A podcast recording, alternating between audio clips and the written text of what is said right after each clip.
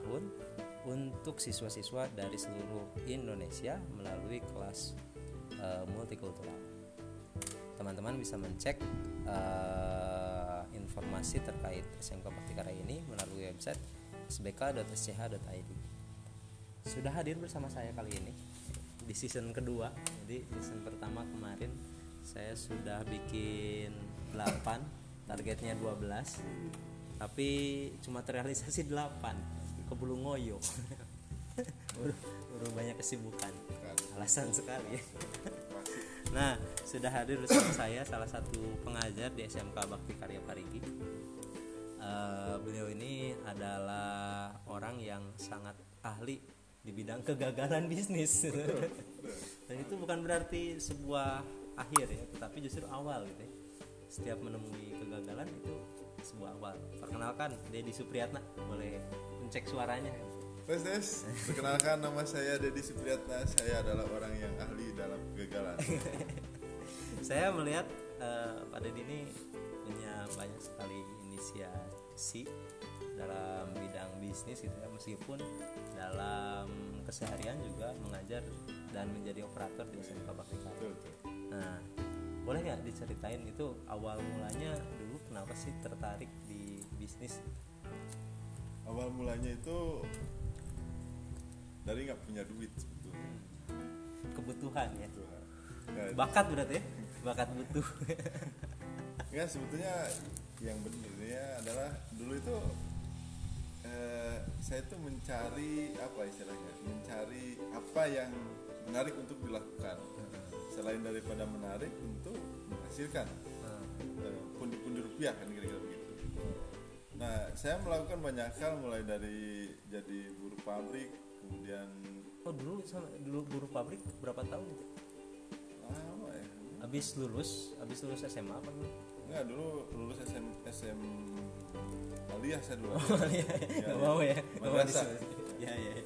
ya pas lulus madrasah itu kerja sama eh, sama orang. Kemudian keluar kerja lagi di bengkel yang itu di tapi Kuliner. masih di daerah Pangandaran? Enggak di enggak.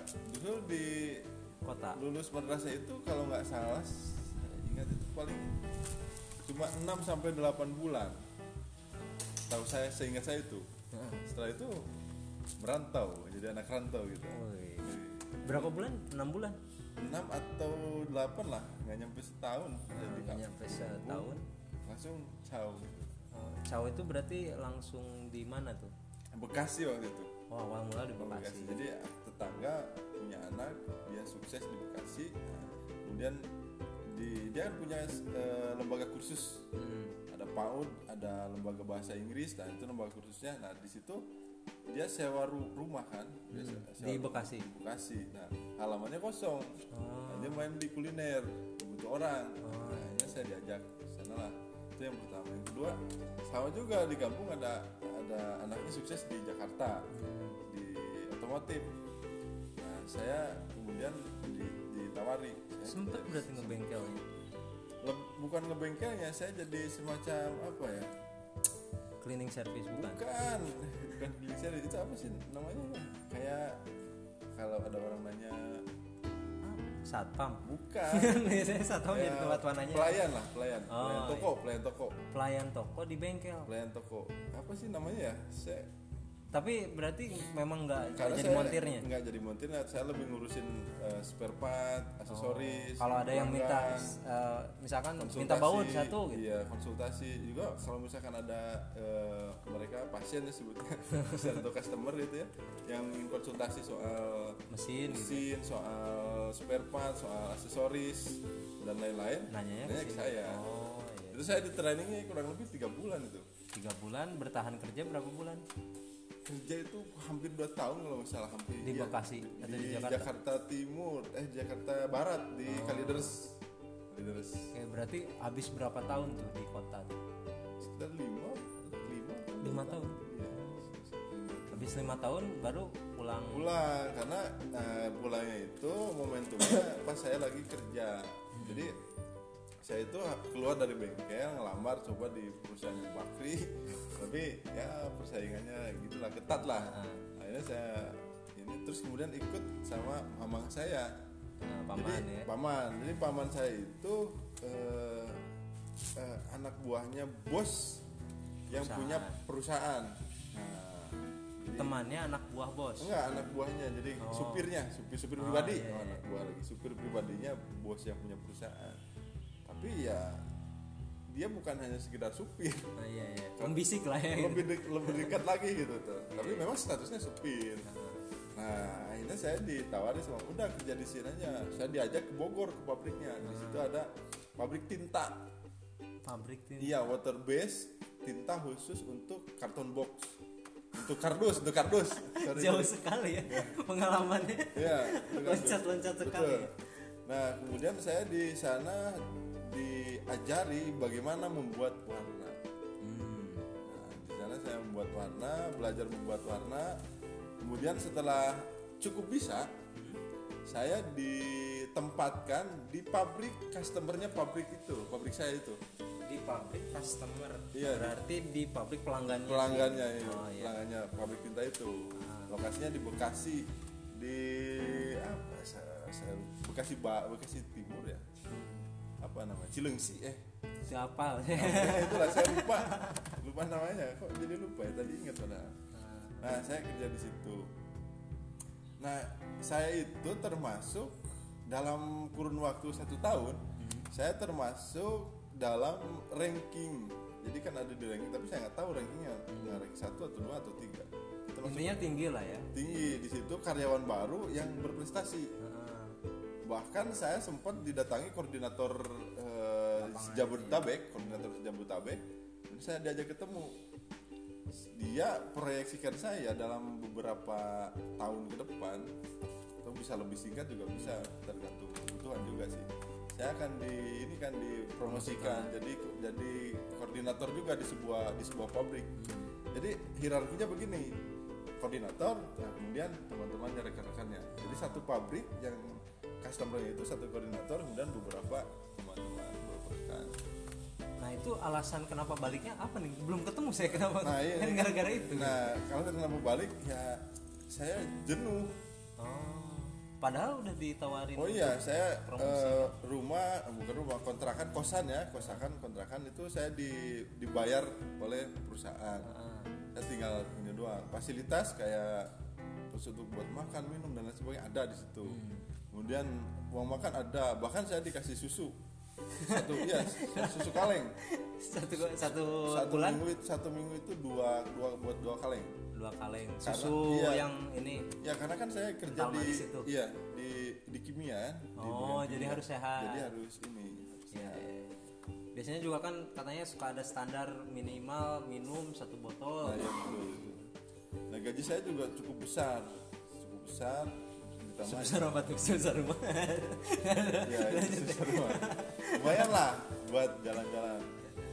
Ya, tapi ini saya malasnya begini. Saya pikir saya bangun jam jam 5 gitu, nyuci berangkat jam setengah tujuh, Nah. pulangnya kad sore kadang-kadang malam kan ada beberapa shift kadang. Selama kurang lebih hampir 2 tahun. Gitu aja terus ya. Itu aja. Nggak ke kantor pulang kan Ntar bulan terus paling main Ah. karena kan kalau liburan banyak duit kan main ke mana kayak gitu nah itu satu yang kedua yang bikin kesel itu ya karena saya itu sering banget dikasih orang baru untuk di di di, dididik dibina gitu dan ya. dibina setelah bisa itu ditarik dipindahkan ke tempat yang lain Iya. datang lagi datang lagi Ntar, berarti pengalaman coaching orang pun sebenarnya udah ada dari Oh bahkan saya kerja punya metode tertentu yang di mana orang kalau belajar sama saya itu paling nggak nyampe tiga bulan yang yang sulit ya. Hmm. Ya, nyampe tiga bulan juga mereka udah saya pikir udah bisa dilepas sendiri gitu.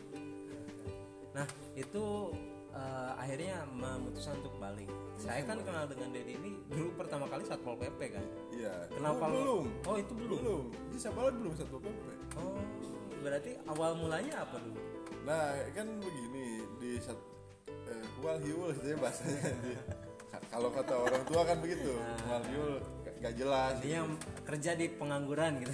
gitu, di komunitas itu mau ngapain Oh, iya, ntar iya. masa depan gimana bla bla bla gitu karena saya sudah punya pengalaman hidup yang ya di kota tadi. berbeda gitu ya kemudian punya pandangan hidup yang juga sudah punya pandangan yang mandiri juga punya prinsip juga ya maksud saya gini loh jadi orang itu nggak bisa dilihat kualitas hidupnya itu dari pendapatan Hmm, Bukan masalah berapa yang kita dapat gitu. itu ya. bagian dari tapi bukan itu satu-satunya Ah, lebih ke kalau di agama saya diajarkan sebaik-baiknya orang kan adalah orang yang bermanfaat Ah iya iya. gitu kan jadi bagaimana kita me- me- menjadi manfaat buat semesta buat orang lain buat siapa pun itu sekecil apa pun itu.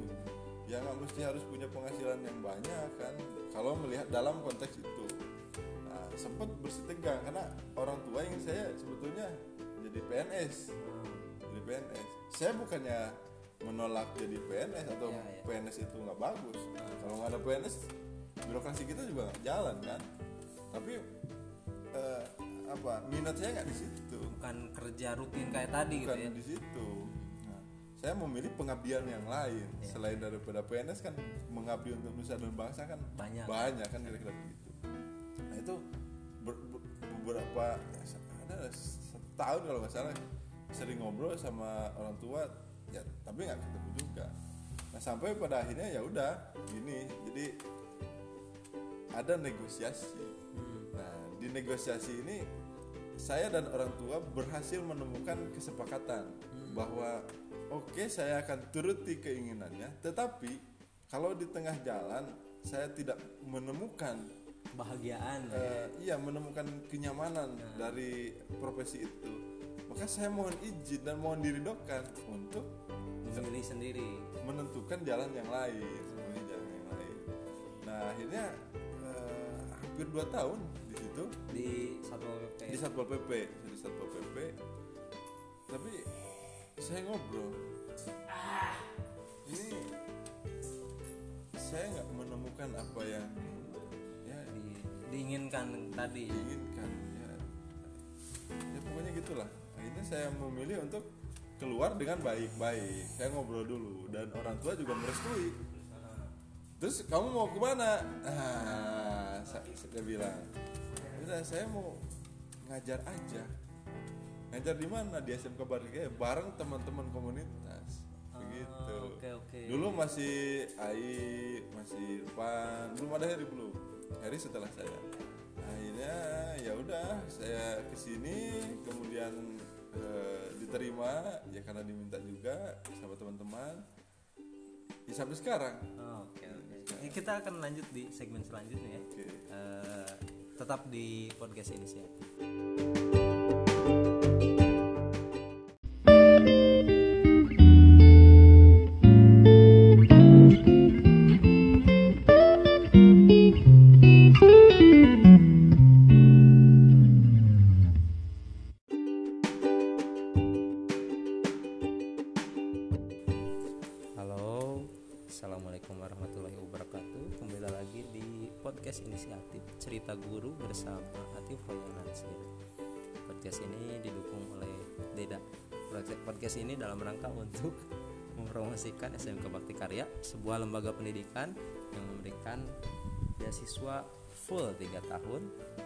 untuk siswa-siswa dari seluruh Indonesia melalui kelas eh, multikultural teman-teman bisa mencek eh, informasi terkait SMK Bakti Karya ini melalui website sbk.sch.id. Sudah hadir bersama saya kali ini di season kedua. Jadi season pertama kemarin saya sudah bikin 8, targetnya 12. Tapi cuma terrealisasi 8. Kebulu ngoyo. baru banyak kesibukan. Alasan sekali. Nah, sudah hadir bersama saya salah satu pengajar di SMK Bakti Karya Parigi. Eh, beliau ini adalah orang yang sangat ahli di bidang kegagalan bisnis. Dan itu bukan berarti sebuah akhir ya tetapi justru awal gitu ya setiap menemui kegagalan itu sebuah awal perkenalkan Dedi Supriyatna boleh mencek suaranya Tes tes, perkenalkan nama saya Dedi Supriyatna. Saya adalah orang yang ahli dalam kegagalan. saya melihat uh, Pak Dedi ini punya banyak sekali inisiasi dalam bidang bisnis gitu ya meskipun dalam keseharian juga mengajar dan menjadi operator di SMK Bakti. Nah, boleh nggak diceritain itu awal mulanya dulu kenapa sih tertarik di bisnis? Awal mulanya itu dari nggak punya duit sebetulnya. Kebutuhan ya. Gitu. Nah, Bakat berarti ya? Bakat butuh. Enggak sebetulnya yang benernya adalah dulu itu eh, saya tuh mencari apa istilahnya mencari apa yang menarik untuk dilakukan selain daripada menarik untuk menghasilkan eh, pundi-pundi rupiah kan kira-kira begitu nah saya melakukan banyak hal mulai dari jadi buruh pabrik kemudian oh dulu sama dulu buruh pabrik berapa tahun? apa ya Habis lulus, habis lulus SMA apa gitu? enggak dulu lulus SM SM Aliyah saya dulu Iya, Ya, mau ya, mau Madrasah. Ya ya. ya.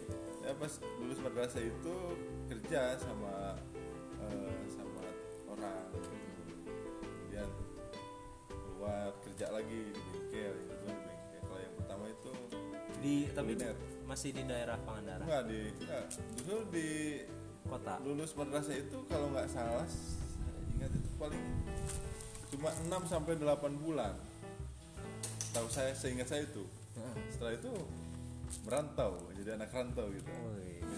Berapa bulan? 6 bulan. 6 atau 8 lah nggak nyampe setahun di Nggak nyampe setahun. langsung caw Oh, Caw itu berarti langsung di mana tuh? Bekasi waktu itu Oh, awal mula di Bekasi. Bekasi. jadi tetangga punya anak dia sukses di Bekasi Nah, kemudian di dia kan punya eh, lembaga kursus Hmm. ada PAUD ada lembaga bahasa Inggris nah itu lembaga kursusnya nah di situ dia sewa ru- rumah kan Dia se- sewa Hmm. Di rumah Bekasi? di Bekasi nah halamannya kosong Oh. Nah, dia main di kuliner butuh orang Oh. nah, akhirnya saya diajak sana lah itu yang pertama yang kedua sama juga di kampung ada ada anaknya sukses di Jakarta di otomotif nah saya kemudian di- ditawari saya Sempet berarti ngebengkel ya? Le- bukan ngebengkelnya saya jadi semacam apa ya Cleaning service bukan? bukan bukan cleaning service itu apa sih namanya ya? kayak kalau ada orang nanya Satpam. bukan Biasanya satpam jadi Kayak tempat mananya. pelayan lah pelayan Oh, pelayan toko pelayan toko Pelayan toko di bengkel. pelayan toko apa sih namanya ya saya Tapi berarti memang nggak jadi montirnya. nggak jadi montirnya saya lebih ngurusin eh, spare part aksesoris Kalau ada yang minta eh, misalkan minta baut satu gitu. iya konsultasi juga kalau misalkan ada eh, mereka pasien ya sebutnya pasien atau customer gitu ya yang ingin konsultasi soal Mesin gitu. mesin soal spare part soal aksesoris dan lain-lain nanya ke ke saya Oh, iya. itu saya di trainingnya kurang lebih tiga bulan itu Tiga bulan bertahan kerja berapa bulan? kerja itu hampir dua tahun kalau salah hampir Di iya. Bekasi atau di di Jakarta? Jakarta Timur eh Jakarta Barat di Oh. Kalideres Kalideres Oke, berarti habis berapa tahun tuh di kota tuh? sekitar lima lima Lima tahun? Habis lima tahun baru pulang. pulang karena nah, pulangnya itu momentumnya pas saya lagi kerja jadi saya itu keluar dari bengkel ngelamar coba di perusahaan Bakri tapi ya persaingannya gitulah ketat lah Ah. akhirnya saya ini terus kemudian ikut sama mamang saya Nah, paman jadi ya. paman jadi paman saya itu eh, eh, anak buahnya bos yang Perusahaan. punya perusahaan jadi- Temannya anak buah bos. Enggak, anak buahnya. Jadi Oh. supirnya, supir supir Oh, pribadi. iya, Oh, iya. anak buah lagi. Supir pribadinya bos yang punya perusahaan. Tapi ya dia bukan hanya sekedar supir. Oh, iya iya. Membisik lah ya. lebih de- lebih dekat lagi gitu tuh. Tapi memang statusnya supir. Nah, akhirnya saya ditawari sama udah kerja di sini aja. Saya diajak ke Bogor ke pabriknya. Di situ ada pabrik tinta. Pabrik tuh. Iya, water base tinta khusus untuk karton box. Untuk kardus, untuk kardus. Sorry, Jauh sekali ya pengalamannya. Iya, dengan- Loncat-loncat sekali. Betul. Nah, kemudian saya di sana diajari bagaimana membuat warna Hmm. Nah, di sana saya membuat warna, belajar membuat warna. Kemudian setelah cukup bisa, saya ditempatkan di pabrik customernya pabrik itu, pabrik saya itu, pabrik customer. Iya. Berarti di pabrik pelanggannya. sih. pelanggannya itu, Oh, iya. pelanggannya pabrik tinta itu.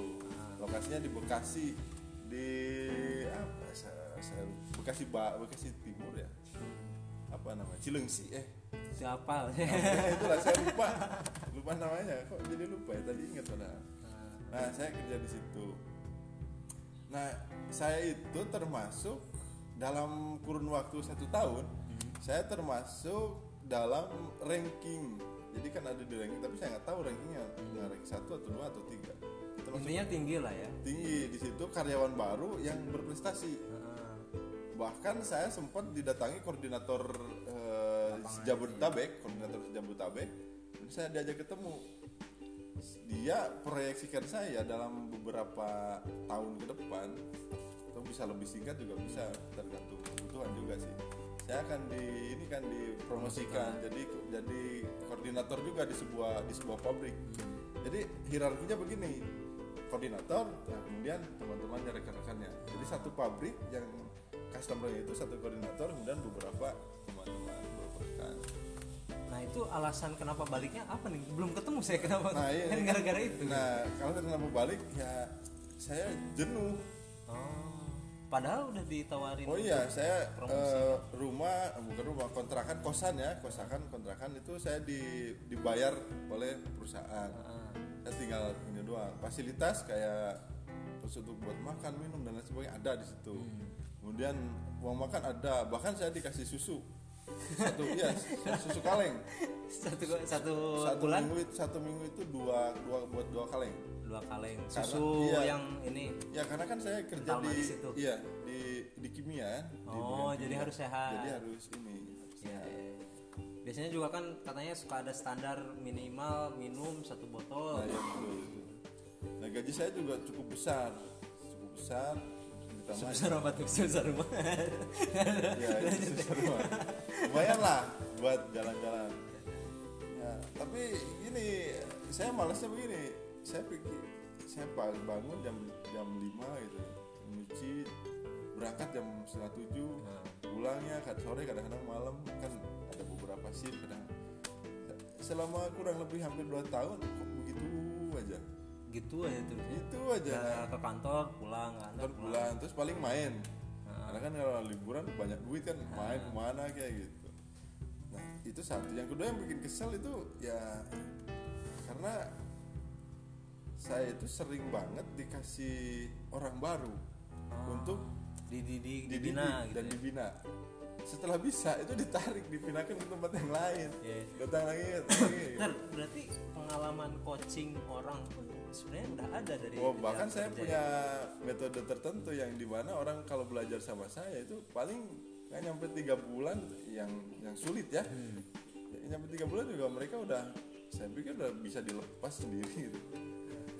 Nah itu eh, akhirnya memutuskan untuk balik. Saya kan kenal dengan Dedi ini dulu pertama kali satpol pp kan. Iya. Kenapa Oh, lu- belum? Oh itu belum. Belum. Di Sabalan belum satu PP. Oh berarti awal mulanya apa dulu? Nah kan begini di sat eh, hiul gitu ya bahasanya di ka- kalau kata orang tua kan begitu wal hiul gak jelas Ini yang kerja di pengangguran gitu. gitu di komunitas itu mau ngapain Oh, ntar masa depan gimana? Bla bla bla gitu. Karena saya sudah punya pengalaman hidup yang ya di kota tadi. berbeda gitu ya. Kemudian punya pandangan hidup yang juga sudah punya pandangan yang mandiri juga punya prinsip juga. Ya maksud saya gini loh. Jadi orang itu nggak bisa dilihat kualitas hidupnya itu dari pendapatan Bukan masalah berapa yang kita dapat gitu. itu ya. bagian dari tapi bukan itu satu-satunya lebih ke kalau di agama saya diajarkan sebaik-baiknya orang kan adalah orang yang bermanfaat Ah iya iya. gitu kan jadi bagaimana kita me- me- menjadi manfaat buat semesta buat orang lain buat siapa pun itu sekecil apa pun itu ya nggak mesti harus punya penghasilan yang banyak kan kalau melihat dalam konteks itu nah sempat bersih tegang karena orang tua ingin saya sebetulnya jadi PNS jadi PNS saya bukannya menolak jadi PNS atau Iya, iya. PNS itu nggak bagus. Kalau nggak ada PNS birokrasi kita juga nggak jalan kan? Tapi eh, apa minat saya nggak di situ. Bukan kerja rutin kayak tadi gitu bukan ya? di situ. Nah, saya memilih pengabdian yang lain. Iya. selain daripada PNS kan mengabdi untuk nusa dan bangsa kan Banyak. banyak kan kira-kira begitu. Nah itu ber- ber- beberapa ada setahun kalau nggak salah. Sering ngobrol sama orang tua ya tapi nggak ketemu juga. Nah sampai pada akhirnya ya udah gini. Jadi ada negosiasi. Nah di negosiasi ini saya dan orang tua berhasil menemukan kesepakatan bahwa oke saya akan turuti keinginannya tetapi kalau di tengah jalan saya tidak menemukan kebahagiaan. Eh, iya menemukan kenyamanan dari profesi itu.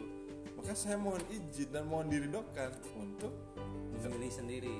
menentukan jalan yang lain memilih jalan yang lain. Nah akhirnya eh, hampir dua tahun di situ. Di satu PP di satpol pp di satpol pp tapi saya ngobrol. Ini saya nggak menemukan apa yang ya diinginkan tadi. Diinginkan ya. Ya pokoknya gitulah. Akhirnya saya memilih untuk keluar dengan baik-baik. Saya ngobrol dulu dan orang tua juga merestui. Terus kamu mau ke mana? Ah saya, saya bilang udah saya mau ngajar aja. Ngajar di mana? Di SMK Barikaya bareng teman-teman komunitas. Begitu. Ah, oke oke. Dulu masih Ai masih Irfan belum ada Heri belum Heri setelah saya. Akhirnya ya udah saya ke sini kemudian eh, diterima ya karena diminta juga sama teman-teman. Ya sampai sekarang. Oh, oke oke. Ini kita akan lanjut di segmen selanjutnya ya. Oke. Eh, tetap di podcast ini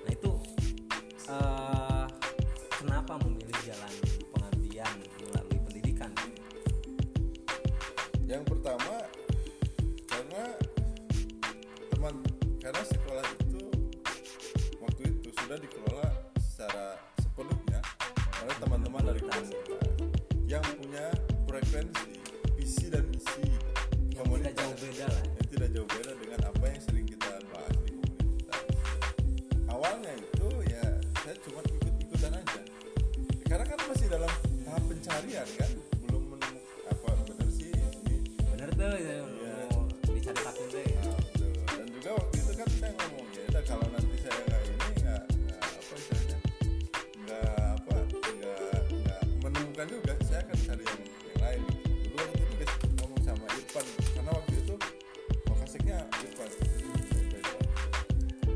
Nah nah kenapa me- apa saya memilih itu? Ya karena satu tadi teman-teman yang punya misi yang sama.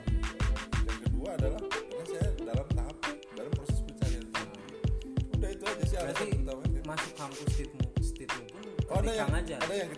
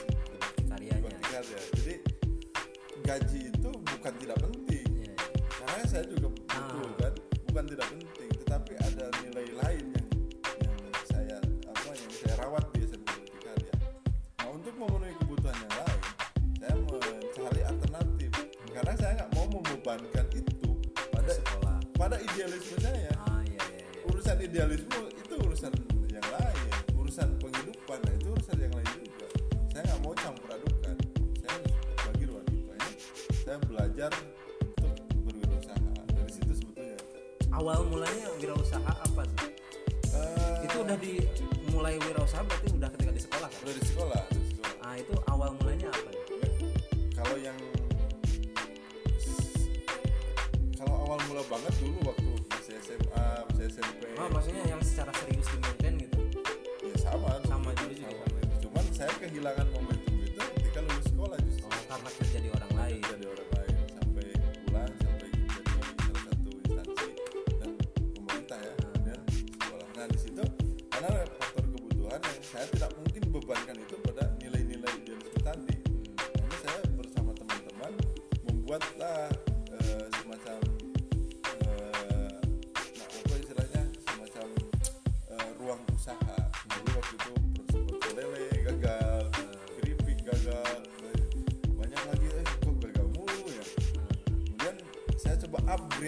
karena ternyata eh, untuk melakukan sebuah apa istilah sebuah kegiatan wirausaha itu tidak hanya butuh semangat dan optimisme dan modal gitu bukan hanya modal doang kan bukan gitu. hanya itu bukan hanya modal semangat dan optimisme tetapi harus didukung juga dengan pengetahuan nah dari situlah saya mencari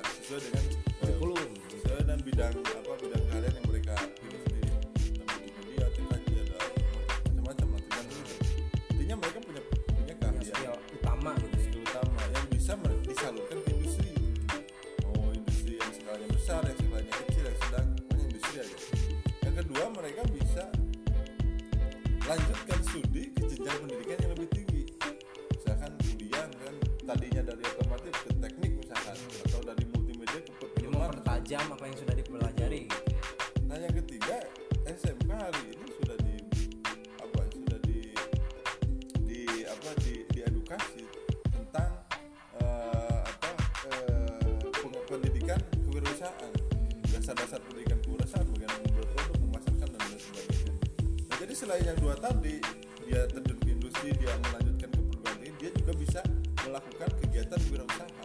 Ah, disesuaikan juga bisa disesuaikan dengan keahlian atau bisa dengan apa eh, dengan objek yang lain.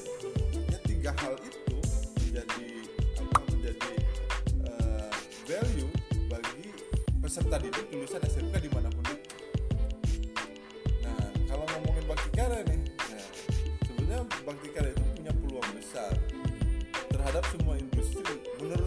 berharap semua industri masih akan datang? Kenapa? Karena orientasi industri hari ini ya, apa pun itu jenis industrinya itu berorientasi pada digital. Sekarang kita sudah banyak merasakan itu. Ke depan akan lebih kompleks lagi. Ya, ruang digital itu bisa apa diisi dengan banyak hal. Dan salah satu yang paling penting adalah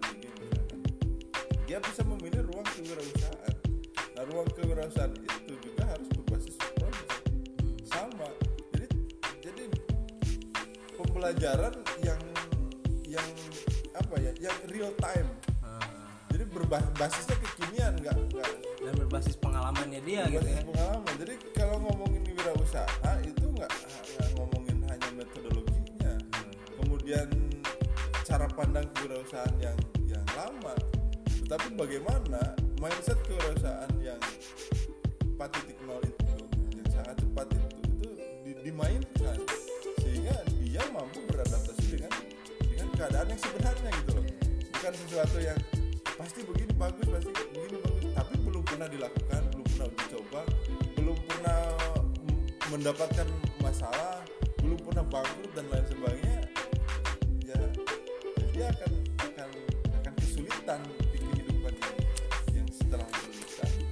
Iya benar-benar bahwa ya kalau mau sebenarnya kalau Dedi kan mengalami pasang surut uh, dalam bisnisnya kan iya. ketika yeah. sudah lulus gitu ya, yeah. ketika memulai usaha. Tapi ketika anak memulai proyeknya sejak dia sekolah, nah, dia mengalami kegagalan yang berarti kegagalannya yang dikontrol, ada yang mendampingi, ada yang. Nah, kita akan lanjutin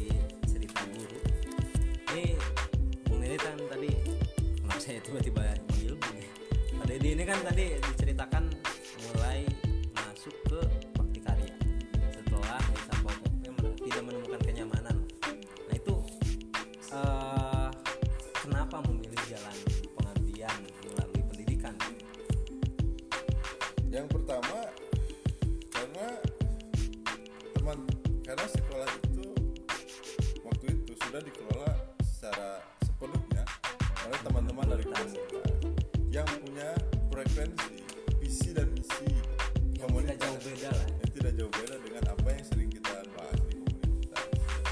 Awalnya itu ya saya cuma ikut-ikutan aja. Karena kan masih dalam tahap pencarian kan belum menemukan apa benar sih ini. Benar tuh ya.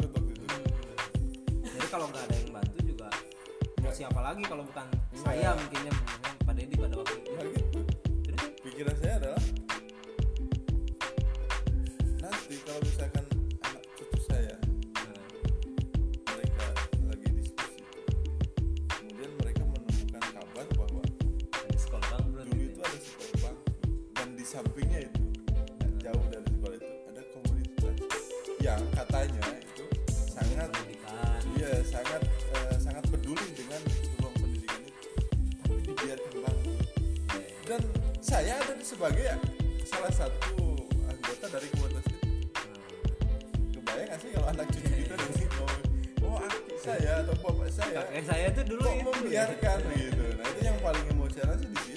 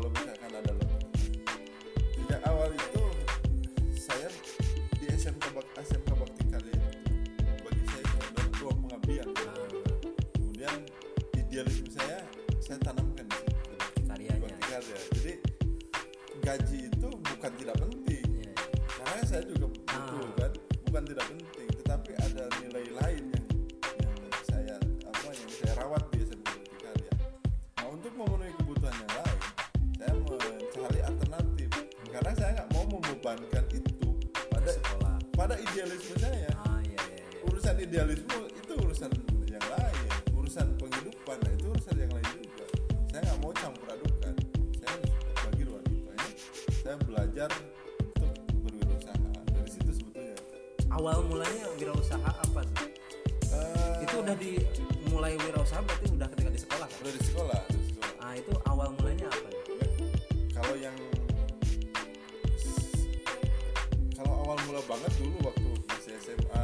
SMP. Oh, maksudnya yang secara serius di gitu? Ya sama. Sama juga. Sama, juga sama. cuman saya kehilangan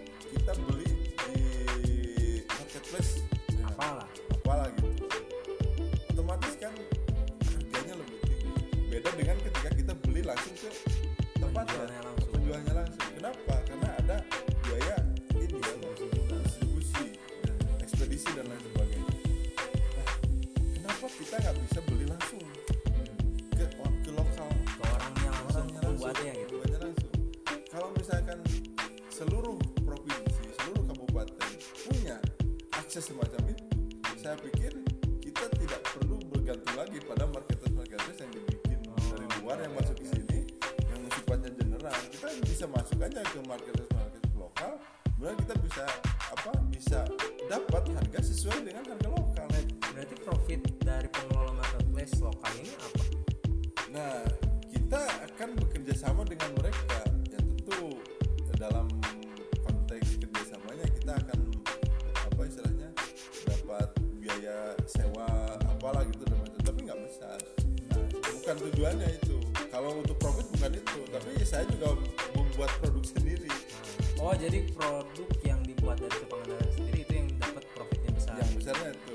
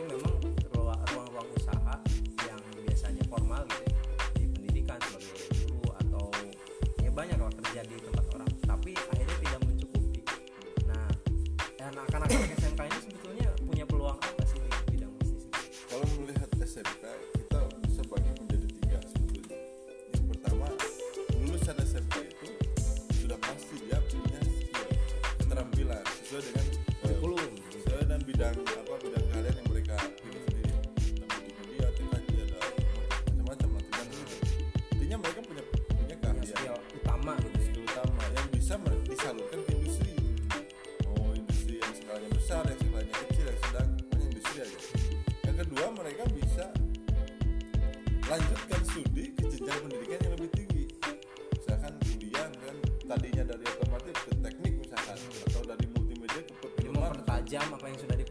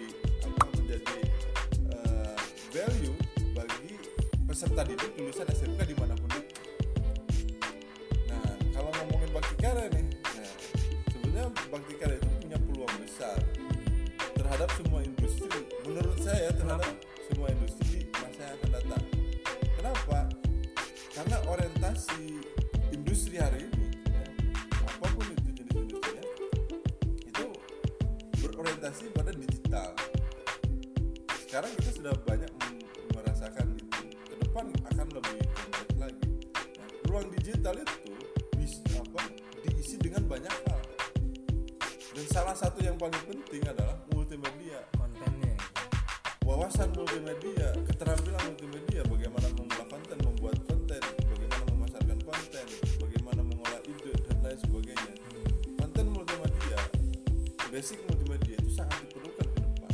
Dan itu jadi peluang besar. Bagi, bagi menjadi peluang besar menurut saya. Nah, kalau ngelihat bisnis versus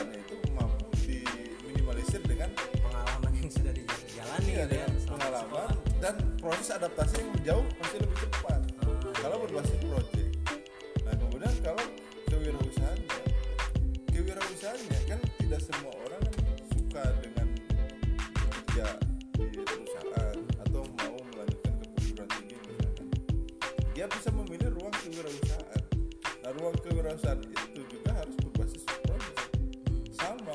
Jadi jadi pembelajaran yang yang apa ya yang real time. Ah, jadi berbasisnya kekinian nggak nggak. Dan berbasis pengalamannya dia gitu berbasis ya. pengalaman. Jadi kalau ngomongin wirausaha itu nggak ngomongin hanya metodologinya. Kemudian cara pandang kewirausahaan yang tetapi bagaimana mindset kewirausahaan yang 4.0 itu yang sangat cepat itu itu di- dimainkan sehingga dia mampu beradaptasi dengan dengan keadaan yang sebenarnya gitu loh.